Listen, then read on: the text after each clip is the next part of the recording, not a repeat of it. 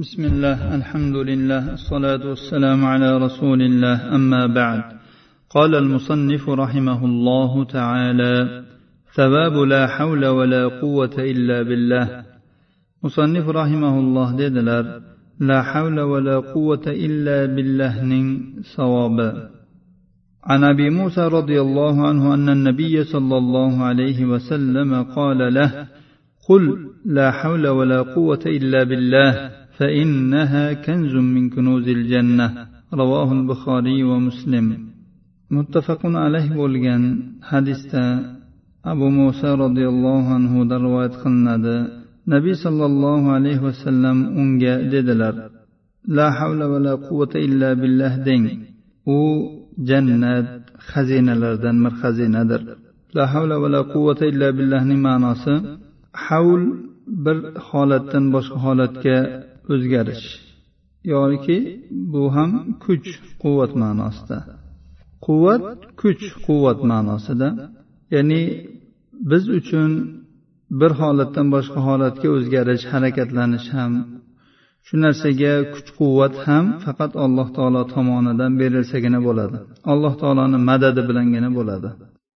O'z o'zimizdan biror narsaga ham biror harakatga ham qodir bo'lmaymiz degan ma'noda.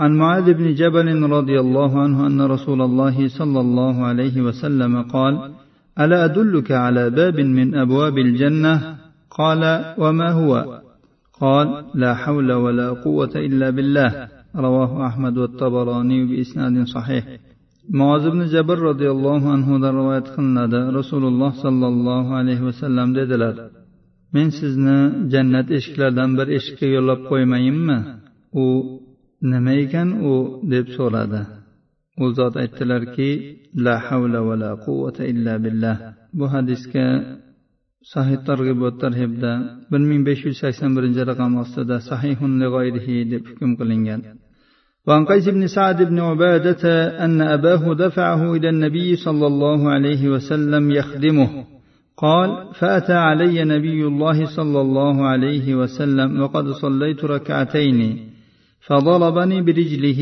وقال ألا أدلك على باب من أبواب الجنة قلت بلى قال لا حول ولا قوة إلا بالله رواه الحاكم وقال صحيح على شرطهما قيس بن سعد بن عبادة otalari sad ibn uboda nabiy sollallohu alayhi vasallamga xizmat qilish uchun topshirdi aytadiki mening oldimga nabiyulloh sollallohu alayhi vasallam keldilar. Men endi ikki rakat namoz o'qib bo'lgandim. U zot oyoqlari bilan meni turtdilar va dedilarki men seni jannat eshiklaridan bir eshikka yo'llab qo'ymayinmi? Men ha yo'llab qo'ying dedim. Shunda u zot aytdilarki la havla va la quvvata illa billah. Imom hokim rivoyatlari buxoriy muslim shartiga ko'ra sahih deganlar bu hadis sahih targ'ibot tarhibda bir ming besh yuz sakson ikkinchi raqam ostida sahih deyilgan وعن أبي ذر رضي الله عنه قال كنت أمشي خلف النبي صلى الله عليه وسلم فقال لي يا أبا ذر ألا أدلك على كنز من كنوز الجنة قلت بلى قال لا حول ولا قوة إلا بالله رواه ابن ماجه وابن حبان abu zar roziyallohu anhudan rivoyat qilinadi dedi men nabiy sallallohu alayhi vasallamning orqalarida ketayotgandim. Bu zot menga dedilarki ey abu zar men sizni jannat xazinalaridan bir xazinaga yo'llab qo'ymayinmi? Men ha yo'llab qo'ying dedim. Shunda u zot dedilarki la havla va la quvvata illa billah ibn moja va ibn hibbon rivoyatlari bu hadis ham sahih hadis. Sahih targ'ibot tarhibda bir ming besh yuz sakson beshinchi raqam ostida kelgan. ثواب سور تقرأ في الصباح والمساء ertalab va kechqurunda o'qiladigan suralarning savobi haqida bu xususda bir qancha oyatlar surati duxon g'ofir va boshqa suralarni o'qish haqida ham kelgan bularning hammasi zaif bu yerda biz sahihini o'qiymiz وعن معاذ بن عبد الله بن خبيب عن أبيه رضي الله عنه أنه قال خرجنا في ليلة مطر وظلمة شديدة نطلب رسول الله صلى الله عليه وسلم ليصلي بنا. فأدركناه فقال قل فلم أقل شيئا. ثم قال قل فلم أقل شيئا. ثم قال قل قلت يا رسول الله ما أقول؟ قال قل هو الله أحد والمعوذتين حين تمسي وحين تصبح. ثلاث مرات تكفيك من كل شيء رواه أبو داود والنسائي والترمذي وقال حديث حسن صحيح معاذ بن عبد الله بن خبيب otasidan rivoyat qiladi roziyallohu anhu aytgan ekanlarki biz yomg'irli va juda ham qattiq zulmatli kechada bizga namoz o'qib berishlari uchun rasululloh sollallohu alayhi vasallamni izlab chiqdik biz u zotga yo'liqqan paytimizda u zot aytdilarki ayting men hech narsa demadim. U zot ayting dedilar. Men biron narsa demadim. U zot ayting dedilar. Men ey rasululloh nima deb aytayin? U zot aytdilarki qul huvallohu ahad. Siz allohni yakka deb ayting ya'ni qul huvallohad surasini o'qing. Va mavuzataynni o'qing. Kech kirtirgan va tong ottirgan paytingizda. uch marotabadan o'qing bu suralar sizga hamma narsaning o'rniga kifoya qiladi abu dovud nasoiy termiziy rivoyatlari bu hadisga sahih targ'ibot tarhibda olti yuz qirq to'qqizinchi raqam ostida hasan deb hukm qilingan ثواب سور وآيات تقرأ حين يأوي المرء إلى فراشه odam yotish uchun joyiga kirgan paytida o'qiydigan ba'zi bir suralar va oyatlarning savobi haqida Bu yerda abu xurayradan rivoyat qilingan uzun hadis kelyapti. Biz uni arabchasini o'qimasdan ma'nosini aytish bilan kifoyalanamiz. Abu hurayra roziyallohu anhudan rivoyat qilinadi. Dedilar rasululloh sollallohu alayhi vasallam meni ramazon zakotini qo'riqlab turishga vakil qildilar. Tunda bir odam keldi va u yerdagi dondonlardan ola boshladi. Men uni ushlab oldim va aytdimki seni rasululloh sollallohu alayhi vasallam huzurlariga olib boraman. U aytdiki men juda ham muhtojman meni qarzim bor bola chaqam bor juda ham qattiq hojatlarim bor dedi. Men uni qo'yib yubordim. Ertalab nabiy sollallohu alayhi vasallam oldilariga borganda aytdilarki ey abu hurayra kechqurungi asiringiz nima qildi? Men aytdimki ey rasululloh u juda ham qattiq muhtoj ekanligini bola chaqasi borligini shikoyat qildi. Unga rahmim kelib uni qo'yib yubordim. U zot aytdilarki u sizga yolg'on gapirdi va u albatta qaytadi. Men rasululloh sollallohu alayhi vasallamning u albatta qaytadi degan so'zlaridan u yana qaytishini bildim. Uni poylab turdim. U yana kelib dondullardan olishni boshladi. Bu yerda roviy rivoyatni qisqaroq qilib ikkinchi marotaba ham ushlaganlarini qoldirib uchinchi marotaba ushlaganlaridan davom ettiryaptilar. Shu zaylda uchinchi marotaba u keldi. Men unga aytdimki seni rasululloh sollallohu alayhi vasallam huzurlariga olib boraman. Bu oxirgi uchinchi marta sen qaytmayman deb yana qaytib kelding. Sen qaytmayman desang yana qaytib kelaverasan u aytdiki meni qo'yib yuborgin men senga alloh taolo ular bilan foyda beradigan bir necha so'zlarni o'rgataman. Aytdimki nima ekan ular? U aytdiki sen yotish uchun joyingga kirgan paytingda oyatal kursini o'qigin. Allohu la ilaha illa huval hayyul qayyumni to oxirigacha o'qiydigan bo'lsang sening ustingda alloh taolo tomonidan bir saqlovchi bardavom bo'ladi. Va tong ottirguninggacha senga shayton yaqinlashmaydi. Men uni qo'yib yubordim va ertalab rasululloh sollallohu alayhi vasallam menga dedilarki tundagi asiringiz nima qildi? Aytdimki ey rasululloh u menga alloh taolo ular bilan foyda beradigan bir necha so'zlarni o'rgatishni davo qildi. Men uni qo'yib yubordim. Nima ekan ular? deb so'radilar. Aytdimki jonga yotgan paytingda oyatal kursini avvalidan to oxirigacha o'qigan allohu la ilaha illahu hayyul qayyumni dedi. Va menga aytdiki agar sen shunday qiladigan bo'lsang to ertalabgacha senga shayton yaqinlashmaydi va sening ustingda alloh taolo tomonidan bir qo'riqchi bo'ladi. Sahobalar yaxshilikka juda ham haris bo'lgandilar. Shuning uchun ham bu yaxshilikni o'rgatib qo'ygandan keyin anavi uni qo'yib yuboraverdilar. Nabiy sollallohu alayhi vasallam aytdilarki u o'ta yolg'onchi. Shunday bo'lsada u sizga to'g'ri gapiribdi. Siz uch kundan beri kim bilan gaplashayotganingizni bilasizmi abu hurayra? deb so'radilar. Men yo'q dedim. U zot aytdilarki u shayton. Imom buxoriy rivoyatlari. وعن فروة بن نوفل عن أبيه رضي الله عنه أن النبي صلى الله عليه وسلم قال لنوفل اقرأ قل يا أيها الكافرون ثم نم على خاتمتها فإنها براءة من الشرك. رواه أبو داود والترمذي والنسائي وابن حبان والحاكم وقال صحيح الإسناد.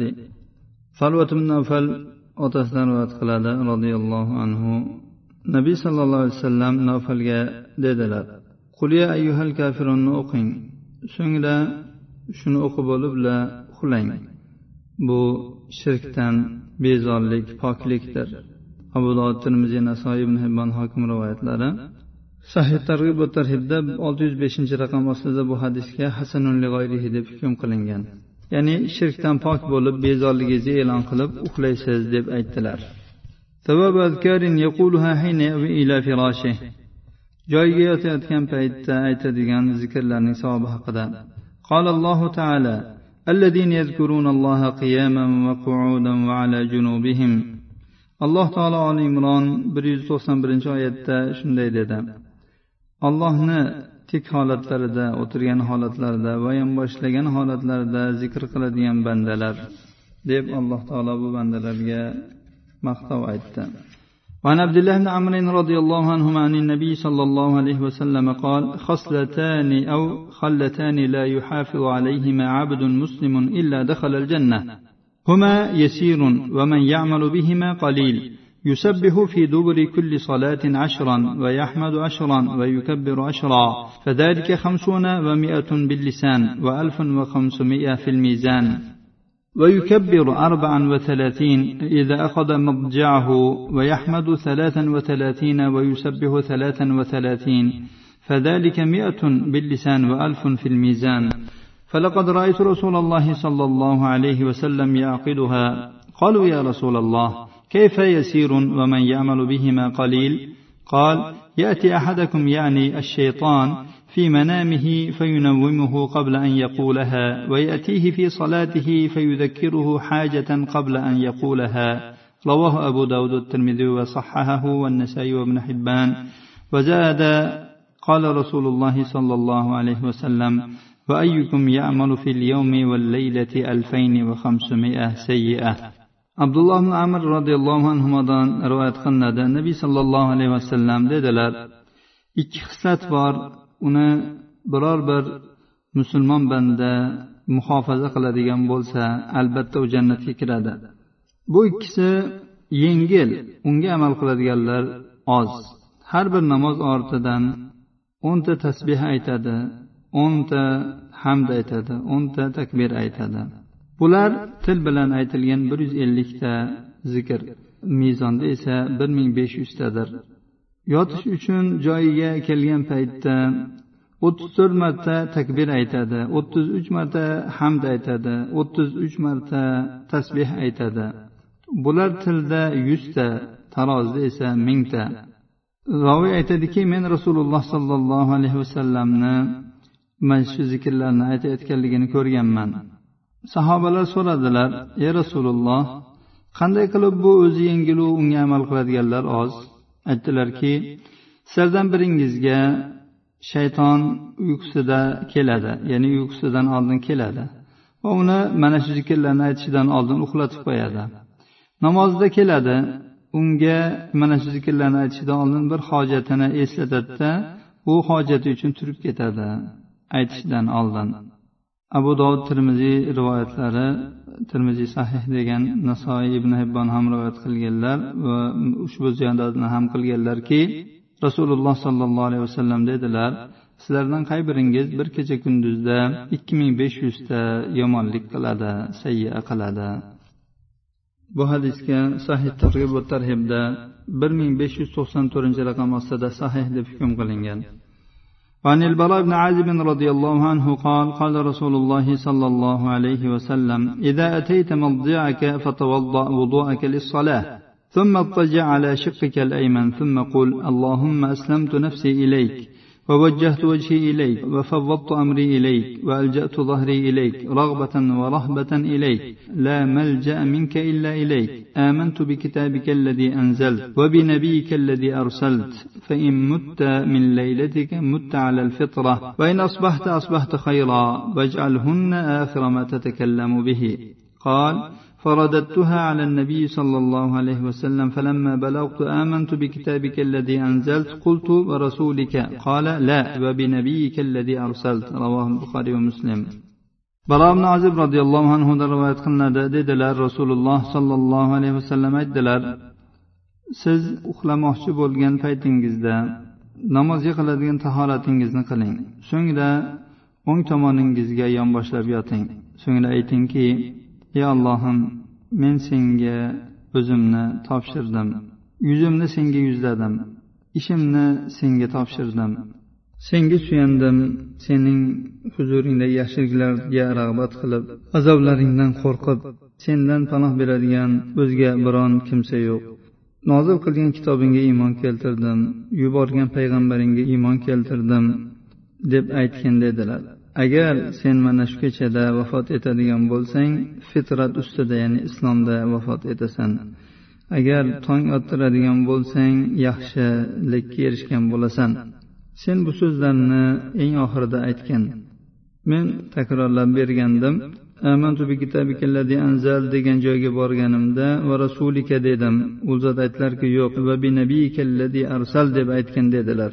yuborgan payg'ambaring deb imom buxoriy muslim rivoyatlari وعن ابي هريره رضي الله عنه عن النبي صلى الله عليه وسلم قال من قال حين يأوي إلى فراشه لا إله إلا الله وحده لا شريك له له الملك وله الحمد وهو على كل شيء قدير.